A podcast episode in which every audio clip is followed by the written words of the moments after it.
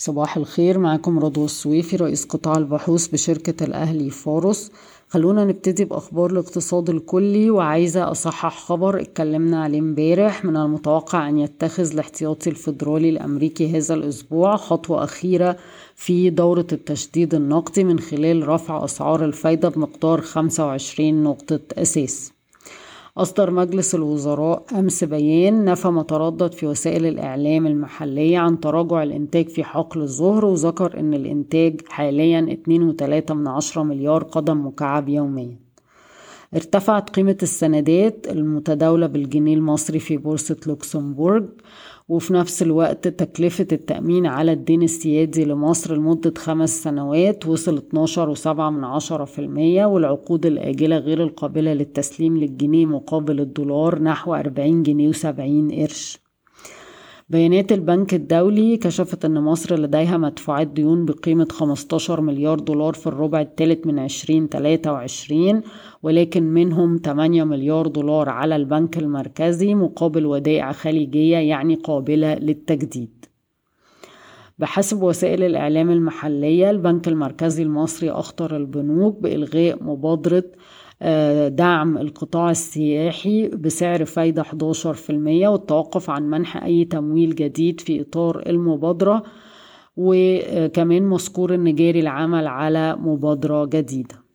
شركة أوراسكوم للفنادق بتخطط لافتتاح رابع مرسى لليخوت في الجونة في عام 2023 اليخوت السياحية الآن هتحصل على تصريح دخول لمصر من خلال المنصة الرقمية لوزارة النقل في خلال 30 دقيقة مع السماح للركاب بالحصول على تأشيرات سياحية إلكترونية.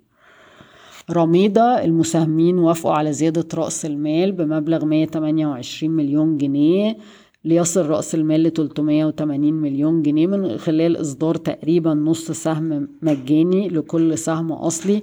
كما وافق المساهمون على خفض رأس مال الشركة بمقدار 5 مليون جنيه ليصل إلى 375 مليون جنيه من خلال إلغاء 20 مليون سهم خزينة. القلعة وشركة إيكارو التابعة للقلعة اللي هي لإعادة تدوير المخلفات الصلبة وشركة أكسنز وقعوا بروتوكول تعاون لإجراء الدراسات الفنية لمشروع إنتاج الجيل الثاني من الوقود الحيوي ووقود الطيران المستدام. أحد كبار مساهمي طاقة عربية قام بتحويل 270.5 مليون سهم بقيمة واحد وستة من عشرة مليار جنيه مصري إلى أحد الدائنين. الشركة اليابانية يازاكي هتبتدي تبني مصنع تكلفته 30 مليون يورو في المنطقة الحرة الأولى في الفيوم مع خطط لتصدير تصل إلى 100 مليون يورو في السنة.